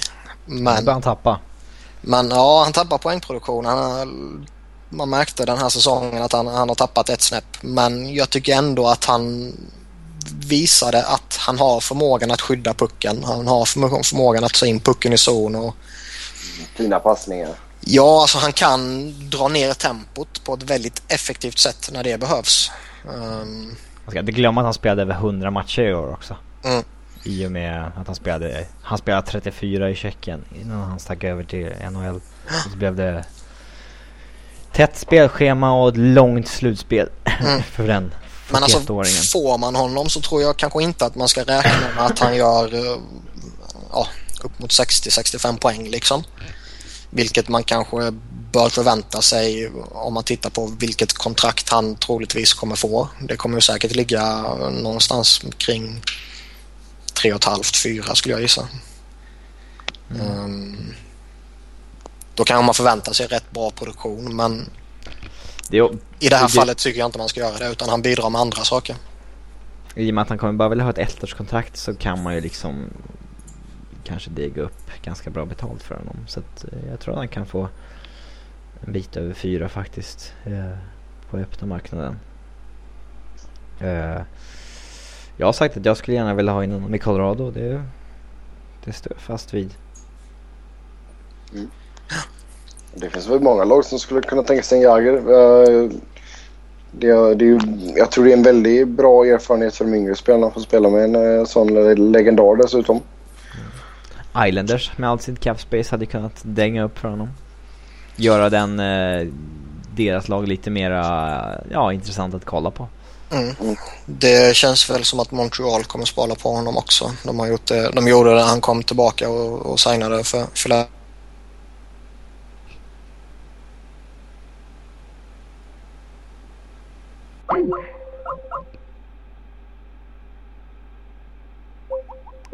Försvann Niklas eller? Alltså han är ju rätt vettig. Men ändå så är han inte superbra. Niklas du försvann helt från samtalet typ. Nej, det var du som försvann. Okej, ja det är jag som spelar in så att... Ouch. Han, då får vi ta fram ta om Ribeiro så får Sebbe klippa. Jaha, hade ni börjat snacka om Ribeiro? Här Okej. tänker jag inte klippa någonting. Nej, men b- kör bara om Ri- Ribeiro helt enkelt. Mike, Mike Ribeiro. Bra eller anus? Micke Ribeiro. Eh, han, är, Bra! han är bra men han är inte jättebra. Eh, Kan man säga om många spelare men... Men det känns lite som att hans krav som du pratade om innan, att han har upp mot fem år på 5-6 miljoner per säsong. Det, ska han signa ett sånt kontrakt får han nog nöja sig med lite mindre sexiga alternativ. Typ Columbus, Nashville, de där grejerna. Om de är redo att hosta upp de pengarna. Um, vill han stanna kvar i Washington och han kanske spanar mot andra topplag så får han nog sänka sina krav lite. Sen är det klart att han kommer vara en tillgång i framförallt det offensiva spelet. Japp. Alltså jag tror att han, med tanke på hans ex- enorma poängproduktion eh, i år så tror jag absolut att han kommer vara väldigt intressant som typ andra center i ett gänglag. Eh, han har ju ett oerhört bra spelsinne och grym, grym i powerplay och så vidare. Ja, Mike Ribeiro då? Det var han vi snackade om. Eller vad säger jag? Michael Ryder? Ja. Nu, nu kommer vi klippa! Nej då, Nej. herregud, kör på. Okej. Michael Ryder. ehm, en oerhört bra sniper. Han bidrar inte med så mycket mer men spelar han med rätt kedjekamrater och sådär då kan man ju faktiskt få ut ruskigt mycket mål ur honom. Om han har en eh, bra playmaker bredvid sig. Eh, Och- Frågan är om det är något lag med den playmakern som är redo att signa honom. Jag är tveksam till det. mm. Jag, jag tror han kommer hamna i ett lag som alltså, Toronto, St. Louis, Calgary. Något sånt där lag som har behov av målskytte men som inte har den här centern som kan ge honom puckarna på, på det sättet. Ja, Det är en snubbe som Islanders också kunde ha skaffat. Oh, ja. Mycket Islanders här nu. Alltså det, det blir en trevlig sommar för Islanders eh, fans här. Men de har ju en jävla tillgång nu i Tavares. Nu kan de ju faktiskt locka med någonting. Mm. Ja, Nu, absolut. nu när han har slagit igenom på fulla Ja, sen, sen är det ju inte långt kvar till nya arenan heller. Nej, det är, väl fort, det är väl fortfarande två eller tre år kvar tror jag. Men alltså kunna pitcha in till en, eh, till en spelare nu att alltså, kom igen du får lira högerforward jämte John Tavares. Det, det tror jag är rätt lätt att nappa på. Kom det, kom det. Eh, en annan svensk som är eh, UFA det är ju Daniel Alfredsson och eh, Pierre LeBrun twittrade för ett litet tag sedan här att eh, prio ett är fortfarande att signa med Ottawa. Men agenten, hans agent GP Berry eh, kommer ta samtal från andra lag från och med Har jag, mi- har jag missat Alfredsson i körschemat eller har du kuppat in honom här bara? Jag har kuppat. Okej, ja. Det är väl... Han kommer väl få något kontrakt på fem eller sex mille vad det verkar som. lite häftigt kanske men han spelade ju bara för en miljon i år så att eh, ja. Åtta var ju korkade att släppa honom. Visst, han är inte den spelaren en gång var, men han är kapten, han är kulturbärare, han är... Han, eh, han är Ottawa. han är Ottawa. Eh, Visst skulle han gå in och kräva några galna jävla pengar på eh, mot 8-9 miljoner då är det bara att vinka adjö till honom ju, men det kommer han inte göra ju. Fem år vill han ha. Ja, alltså även, även om han skulle säga okej jag vill ha ett tvåårskontrakt så är det inte helt orimliga lönekrav så är det ju bara för Ottawa att hosta upp det till honom. Eh, Så pass viktig är han för den organisationen och så mycket har han bevisat för den organisationen att han förtjänar det. Mm. Yes. Ja, om vi går vidare på listan här då. Nu ska jag inte chocka er mer med, något, eh, med någon kupp här. Eh, Yevgenij Nabakov eh, börjar komma till åren men eh, som Robin sa förut var stabil i grundserien och såg till att Erlanders tog sig till slutspel. Sen väl slutspelet var han ingen riktig höjdare men eh, finns det någonting eh, kvar att ge där? Det tror jag. Det tror jag verkligen och jag tror att han är ganska högt upp på Flyers önskelista om han träffar marknaden. Det tror jag med. Jag tror också det är en målvakt som eh, man inte ska satsa på som klockren första målvakt. Utan han ska vara i en eh, 1A, 1B situation. Det vill säga där man har två målvakter som båda två kan spela väldigt mycket. Vilket det typ kommer vara i Philadelphia med, med Steve Mason eller vilket det kanske blir i Islanders beroende på vad de hittar på. För han är väl i den fasen i sin karriär nu där han inte kan spela eh, som han gjorde i San Jose till exempel när han spelade varenda match. Jag gillar honom. Ja. Han borde få något vettigt kontrakt någonstans. Ja, Jag tycker att Islanders borde, Islanders borde betala upp för honom. Ja, i och med att man har så mycket capspace så varför inte. En annan spelare som Robin gillar det är Jerome Ginla. Och eh, frågan här är ju hur mycket finns kvar i tanken? Ja, eh, man fick väl se två delar av honom i Pittsburgh. Å ena sidan är han fortfarande en väldigt duktig spelare. Eh, å andra sidan så hade han ju uppenbara problem i Pittsburgh. Eh, framförallt så var de ju genomkorkade som eh, eh, provade honom som vänsterforward. Mm. Eh, Jag tror fortfarande han har en hel del kvar att bidra med. Men han behöver hamna i ett lag där han inte på något sätt förväntas bära någon kedja. Och där han inte behöver göra eller spela en framträdande roll på något sätt. Eh, Framträdande roll kan han väl ändå ha. det Jag vill ändå över beror på- 30. Nej men det beror på hur man definierar framträdande. Eh, Alltså jag menar inte att han ska vara någon som ska, eh, som jag sa, bära en kedja. Eller han- man ska inte förvänta sig att han går in och gör 35 baljor. Eh, Han har ändå gjort över 30 mål och 30 assist alla säsonger på 2000-talet. Så att han är inte, han har inte, han han tappat lite i år men Han är inte slut, det är inte det jag menar. Men han är inte den spelaren längre där man kan sätta krav på att okej, du ska vara våran offensiva ledare. Både i produktion och i äh, agerande. Eh, ut- utan jag tror han, han ska vara i ett lag med eh, en... Alltså lite Pittsburgh-grejen att de har två eller tre spelare som väldigt tydligt är eh, viktigare för laget än vad Iginla är. Eh, Sen tror jag inte att Pittsburgh kommer förlänga med honom av lönesituationen och frågan är om han kanske är så jävla sugen på det också. Jag vet inte. Eh, Någonting jag har fått för mig är att Vancouver kommer vara intresserad av honom. mm. Ja, känns det som en Tortorella-spelare? ja, det gör det väl. Tuffing. Ja. Spekuleras lite i Colorado medier om att de vill ha honom. Men, eh, Ja, det hade varit ja. fint att få in en sån god... Han är en sån skön veteran liksom.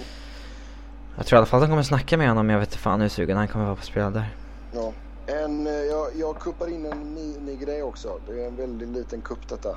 Det knappt en kupp överhuvudtaget. Men eh, Calgary tradade ju till sig eh, rättigheterna och eh, skrev nytt kontrakt med TJ Galliardi från eh, San Jose idag. I utbyte mot ett fjärderumsval i 2015 års draft. Så Mm. får vi, får, har vi sagt det också. Hometown boy coming home. Ja. Det är väl bra för Calgary som verkligen har insett att de behöver göra en rebuild. Nästa namn på vår Free Agency-lista här är Tyler Bozak. En kille som eh, ser sig själv som en första center och vill ha betalt som en första center. Ja, ja. det går ju snackt nu om att uh, han har lagt ett motbud på Torontos bud. Där han uh, vill ha ett åttaårskontrakt kring uh, eller strax under 5 miljoner per säsong. och det är givetvis ren jävla galenskap. Mm. Det är kul att han, hans krav har ju varit 5,5.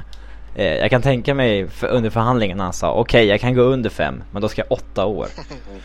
Jaha. Både han och Filippola verkar vara helt galna när det kommer till vad han vill ha för kontrakt och Bosak, visst han kan teka oss där, han funkar väl att kasta upp i en topp första kedja om, om det krisar men absolut, alltså han är ju inte ens nära att göra en poäng per match och nej absolut. De borde bara låta honom gå till free agency och där får han inse sitt riktiga värde. Mm. Ja, och som vi sa när vi pratade bollen, jag tror, jag tror det här skickar en tydlig signal till Bosaks läger att... Bollen hade ju kunnat göra minst lika mycket poäng om han spelat med Kessel hela jävla tiden. Och... Ja, ja. Och i grunden är den bättre spelare än Bosak också tycker jag. Ja.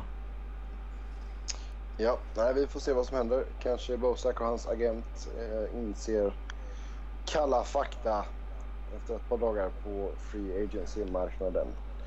Eh, nästa namn Derek Roy och eh, Niklas, inte någon favoritspelare från ditt håll? nej. Uh,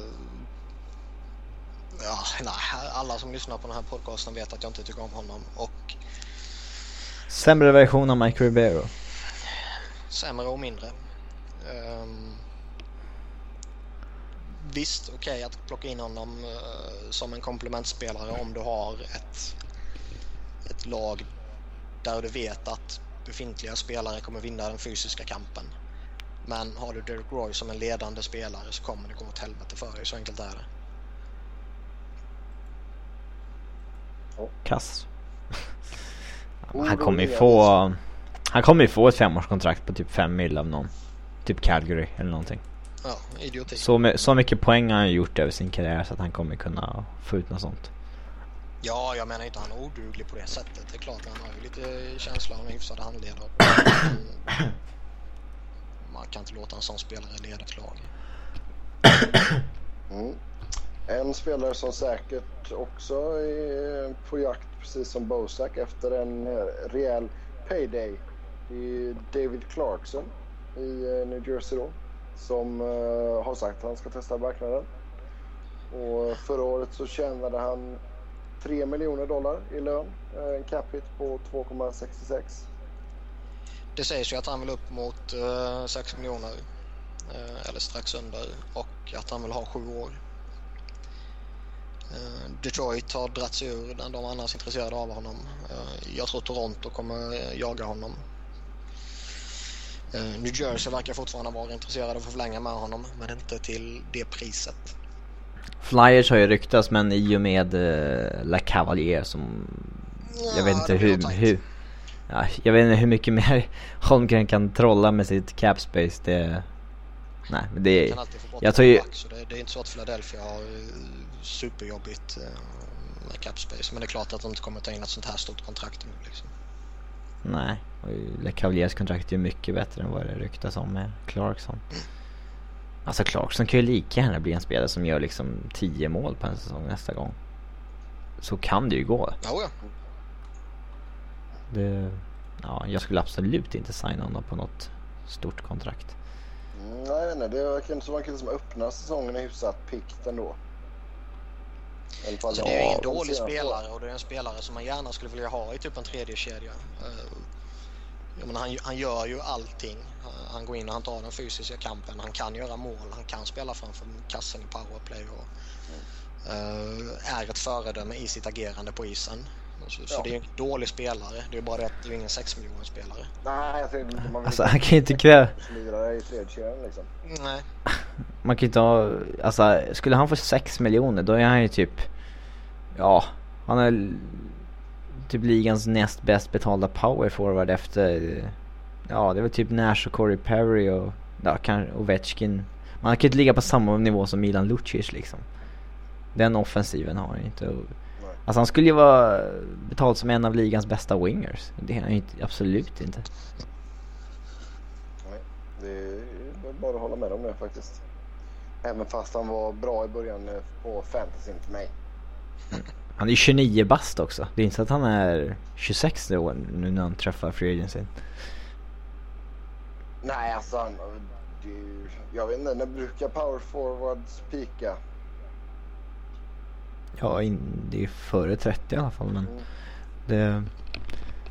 Ja. Å andra sidan är ju han en mycket bättre spelare idag än han var för fem år sedan. Han har ju liksom blivit lite late bloomer men den där 30 målsäsongen kan ju lika gärna vara en slump. Mm. Nej, vi får se, vi får se. Men det känns ju som att han kommer att i alla fall bli överbetald. Ja. Ja, eh, Ray Emery som eh, spelade riktigt bra när han fick... Eh, 17 vinster och en torsk va?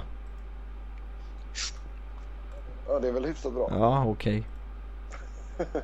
Nej, men han spelade riktigt bra när han fick stå i Chicago. Ehm, Crawford tog över rejält sen och i slutspelet och allt sånt där. Men ehm, man kan säga, man kan inte säga att det är lite av en eh, revansch för Emery som har haft lite problem tidigare i karriären.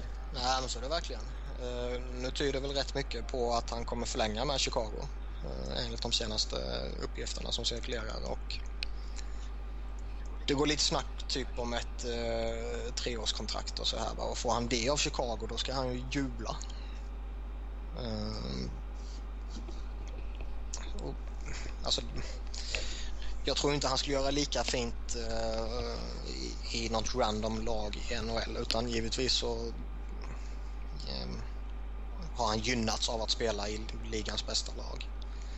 Eh, men det känns ändå som att han har studsat tillbaka och fått den här lilla revanschen. Och det, med tanke på att eh, hans höftskada för några år sedan var så pass allvarlig så de trodde att han aldrig skulle kunna komma tillbaka till hockeyn igen så är det väldigt glädjande givetvis. Ja, nej, alltså mer, mer än duglig backup till Crawford får man ändå kalla honom. Ja då. Eh, ja, eh, sen eh, Matt Cook tycker jag är lite intressant. Cookie. Cookie, Cookie, the Cookie Monster. Ja. Om han nu lämnar Pittsburgh, kommer det bli huggsexa om, om Cookie Monster? Man får ju inte glömma att även om han är dum i huvudet och även om han har hittat på sin djävulskap eh, så är det fortfarande en väldigt duktig spelare som är en bra spelare för typ en tredje kedja och som är en bra spelare i typ penalty killing. Kan också vikariera i högre kedjor vid skador om det. Ja, ja. så alltså det, det är en väldigt kompetent spelare som utan problem hittar jobb. Eh, Frågan som det känns i dagsläget är väl vill han spela i Pittsburgh lite billigare än vad han kanske skulle spela för någon annanstans? Eh, Jag tror det är det som de diskuterar för tillfället. Jag tror att det, han vill väl ha mycket längre kontrakt än vad de vill ge honom. Eh, Jo, men det vill ju alla spelare. ja. Men det är väl det Jag- som jag, är jag kommer, problemet vad det verkar som. ja, jag tror han kommer stanna i Pittsburgh. Jag tror de kommer lösa det. För det oavsett vilket lag han skulle gå till så skulle han ju röra upp väldigt starka känslor. Um, Ja. och så förlä- förlänger han i Pittsburgh så kommer folk bara rycka på huvudet liksom. Ja. Eller rycka, rycka på axlarna säger man. ja, vi kan väl starta lite nya uh, sayings. Ja, men jag tänkte då förstår inte göteborgarna vad jag menar. Jo då, herregud, de fattar allt. Eh, Tjomme är ett bra Göteborgsord. Man kan kalla uh, Tyler Bosak för en tjomme, till exempel. Um, sen Ryan, är det Chloe eller Chloe? Du sa exakt samma sak nu. Ja, Nej, jag sa Chloe eller Chloe. Ha inte Chloe om det är det. vad hittade y-et? Chloe. Nej, Chloe. Nej, Chloe helt enkelt. Det, Alltså det, han är ju ett väldigt osäkert kort med tanke på hans skadehistorik. Uh, han, fick ju, han har ju fått hjärnskakningar så du sjunger om det. Han har axelproblem. Och han är en spelare som lever väldigt mycket på sin fysiska förmåga. Att kunna gå in och ta kampen och kunna göra det smutsigare och göra de smutsiga målen helt enkelt. Um, att ha den spelartypen med hjärnskakningsproblem och axelproblem är väl inte ultimat. Nej. Men likväl en spel som Flyers kommer gå efter. Nej, inte nu. Jo. Hur ska man få plats med honom då? Är du dum eller? Man kan bara skicka någon back som du brukar säga att man kan göra. Nej men äh, man kommer inte ta in ett dyrt kontrakt nu. Det är ju rätt jävla uppenbart. Det är Eh, om man får en superstjärna men det, det är väl inte mycket som tyder på det. Eh, men det är klart att det är, de var ju Philadelphia ute efter honom vid trade deadline så det är väl inte... Eh, de har väl haft intresse för honom så att säga men nu är nog det borta efter Le Cavalier. Men det är, det är klart att ett lag kommer gå efter honom. Vad jag har förstått så har väl inte Rangers räknat ut honom helt och hållet mer än att det är bekräftat att han kommer testa marknaden. Mm. Sen behöver inte det innebära att han inte skriver nytt med Rangers. Mm. Nej, vi har ett par till namn här. Um, Nathan Horton. och med, med tanke på skadehistoriken här, alltså, är, är det något lag som kommer våga ge han ett Alltså framförallt långt kontrakt men även välbetalt då. Ja. ja, han kommer hitta sina kontrakt. Sen är det samma snack som det var med Clow. Kan inte jag prata bara för att du har lurat mig på hans lag. Men Clow. Eh, alltså han har haft jätteproblem med, med skador. Han har haft jätteproblem med hjärnskakningar. Nu har han en axelproblem. Och det är alltid ett orosmål. Men sen med tanke på vilket slutspel han gjorde så kommer han ju få betalt och han kommer få ett långt kontrakt. Ehm, jag tror att Detroit vore ett väldigt bra... Um, passar honom väldigt bra om man tittar på bara på pappret. Sen tror jag kontraktet nog kommer skrämma dem. Mm. Och de kanske inte kommer vara så jättesugna på att signa honom. Men jag, jag, tror det skulle vara en bra fit både för Detroit och för Hawthorne om kontraktet är rimligt. Ja. Eh, en annan eh, man som vill ha betalt det är ju Valtteri Filppula. Mm. Det är samma, och, eh, samma snack som med Bozak helt enkelt. Ja, alltså det verkar vara väldigt många spelare som är hyfsat giriga ändå. Ja. Men det här är deras stora chans att få, få sitt stora kontrakt helt enkelt. Så man förstår ju att de satsar högt. Sen satsar de väl högre än vad som är rimligt helt enkelt. Mm. Det skadar ju inte någonting att ja, fråga om man kan få bra betalt i alla fall. Så att, ja. Ursäk, ursäkta mig Mr GM, kan jag få 10 miljoner? Mm. Can hurt ask, men... Nej. Ja. Uh, ett par namn till som jag ville snacka om, uh, som jag kommer kasta in här. Det är först uh, Pascal Dupuy. Pascal. Som hade en fin, fin grundserie med 20 mål och 18 assist på 48 matcher. Han är 34 år, men eh, vad tror ni? Han har väl visat sig vara så pass eh, viktig för Pittsburgh att eh, jag inte tror de kommer låta honom gå. Nej. Han kommer få eh, ett dyrt kontrakt. Alltså han kommer nog få tre mil över tre år eller någonting. Någonting. Nej men något liknande Kunitz typ tror jag. Ja. Det... Och att han, att han bara skulle vara en produkt av Crosby också överdrivet. Han, han har ju haft fan bättre siffror när han inte spelar med Crosby så att... Mm. Ja. Sen uh, Brendan Morrow. Tror ni Pittsburgh förlänger med honom? Uh, det skulle vara väldigt billigt i så fall. Han är absolut inte den spelaren han en gång var. Han... Uh, om han ska signa någonstans är det ju bottom six roll som gäller. Om man inte går till ett riktigt dåligt lag. Yes. Sen uh, Dustin Pancakes Penner. Jävla sopa. Är det inte dags för Kings att säga tack och adjö? Jo, eh, han, han får ju lite mer skit än vad han förtjänar egentligen. Eh, men man bör kunna hitta bättre alternativ på marknaden även om det blir lite, lite dyrare än vad man kanske skulle vilja egentligen. Yes. Mm. Nej, jag, jag håller med. Jag tycker det är, det är dags nu för Kings att säga tack för trogen tjänst. Men, eh, Thanks for the pancakes. Ja, exakt. Vi låter det gå. Eh, sen har vi ju några andra spelare som kan vara intressanta för andra lag. Till exempel en eh, Ryan Whitney i Edmonton. Mm. Jag tror det ska mycket till om uh, något riktigt lag, om man får säga så, eh, går efter honom. Däremot tror jag fortfarande att han har eh, en framtid i ligan. Men eh, i bästa fall får han nog signa för ett lag som kommer kriga om de sista slutspelsplatserna. Mm. Ja, en kille som blev utköpt inför denna säsongen var ju Scott Gomez som hamnade i San Jose till slut. Signade för billig penning kan man väl så säga va? Jo, men det var ju rätt väntat också med tanke på att han blev utköpt.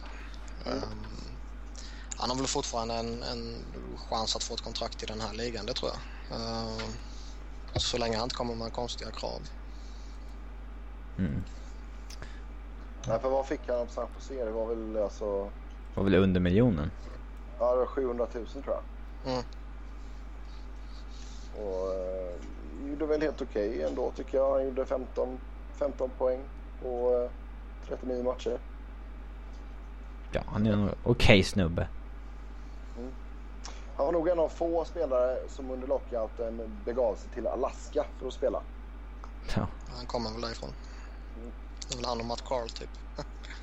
Mm. Och Matthew Känns Carl. väl- Känns väldigt eh, kallt faktiskt.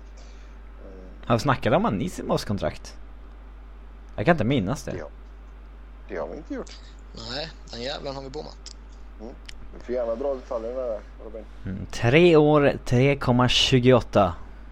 F- Fullt rimligt tycker jag. Jag tycker han är en väldigt duktig spelare. Sen kommer man alltid få betala lite extra om man ska ha kvar folk i Columbus. Så att, eh, Nej, jag håller med. Det, skulle det varit något annat lag så skulle jag väl säga att han skulle haft under 3 miljoner. Men nej, som du säger, här är det väl helt okej.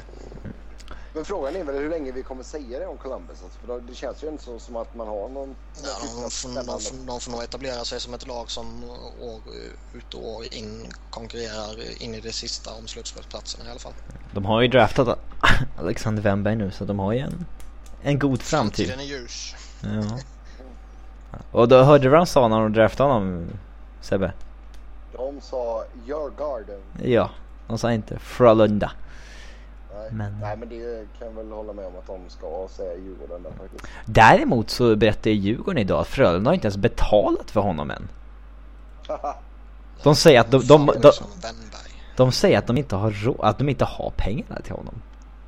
Nej. Man bara jaha. Det är, eh, ekonomin är kass i Frölunda. Det, är- det är ju ingen snack om saken alltså. Man kan ju inte köpa grejer man inte betalar för.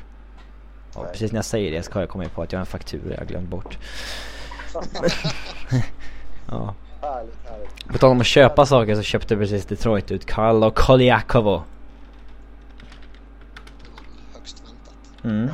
Men högst, högst oväntat att de inte köper ut Samuelsson när han ändå är frisk och de har chansen. Ja, jag håller med dig. Jag har pratat om det tidigare och det är ett namn som borde vara väldigt aktuellt. Men Bertuzzi köper de inte ut heller. Det tycker jag inte de borde göra. Jag tycker fortfarande han är effektiv. Så, Rakt ifrån. Ja, Samuelsson borde ju varit en mer given buyout än Koljakovo kan jag tycka. Ja. Två namn till innan vi tackar för oss. Eh, först Fan vad du gräver fram två- grejer. två, två Florida-killar är det faktiskt. Ja. Eh, först så Steven Wise. Eh, det var ju mycket snack om att Toronto skulle gå efter honom. Tror ni att man fortfarande gör det? Ja. Det är ju lite en snubbe som har flugit väldigt mycket under radarn här i, i snacket inför Free Agency. Där, eh, Han har ju jättemånga bra säsonger med jävligt bra poäng trots ganska halvtaskiga kedjekamrater och spelar mot motståndarnas bästa backar och sånt där så att eh, det kan ju bli ett riktigt Och, alltså skulle han få komma hem till Toronto och spela Phil Kessel eller någonting så då kan det ju bli en riktig jävla succé. Mm. Och det är väl egentligen bara den här säsongen som han har haft skadeproblem.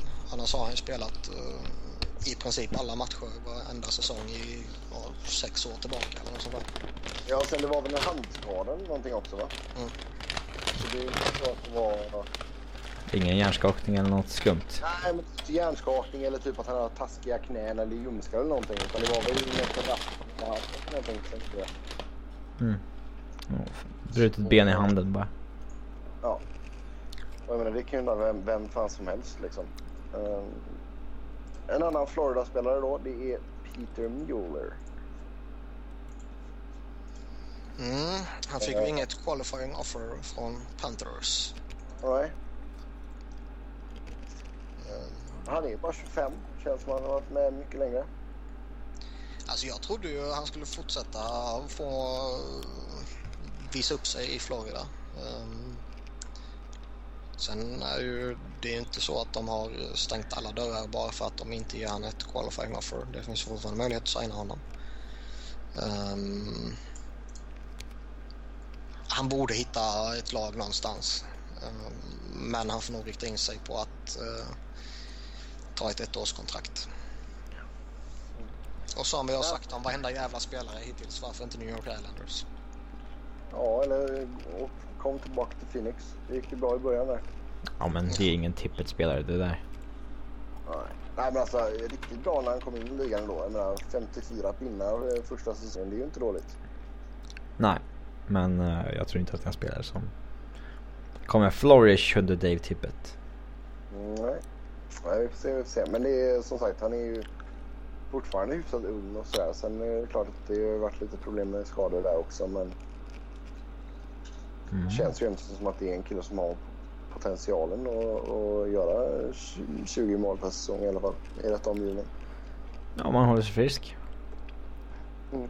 Det är ett stort om dock. Ja, det är det, det är det. Då ska vi tacka för oss. Som vanligt så vill ni snacka hockey så går det jättebra att göra det eh, på Twitter. Mig hittar ni på @sebenoren, Niklas på Niklas Wiberg, Niklas med C och Robin på R underscore Fredriksson, Fredriksson med två S. Så Det är det alltid- gärna, Du säger att med, Fredriksson med två gärna- S. Ja, jag Mm. Aldrig Eh, Niklas med C eller Wiberg med enkel V. Nej, herregud. Wiberg, det, det, det känns enkelvet. Dubbelvet känns väldigt överklass. Eh, Jag ska det inte vara W egentligen. Jo. Men jag är överklass, vad ska jag säga? ja. I alla fall, eh, kom gärna med era silly season-tips eller eh, funderingar och så hörs vi igen om en vecka. Eh, nu ska jag skynda mig iväg till Glendale City Hall för att se ifall det blir någon hockey i öknen till hösten. Ha det gött så länge. Hej! Hej.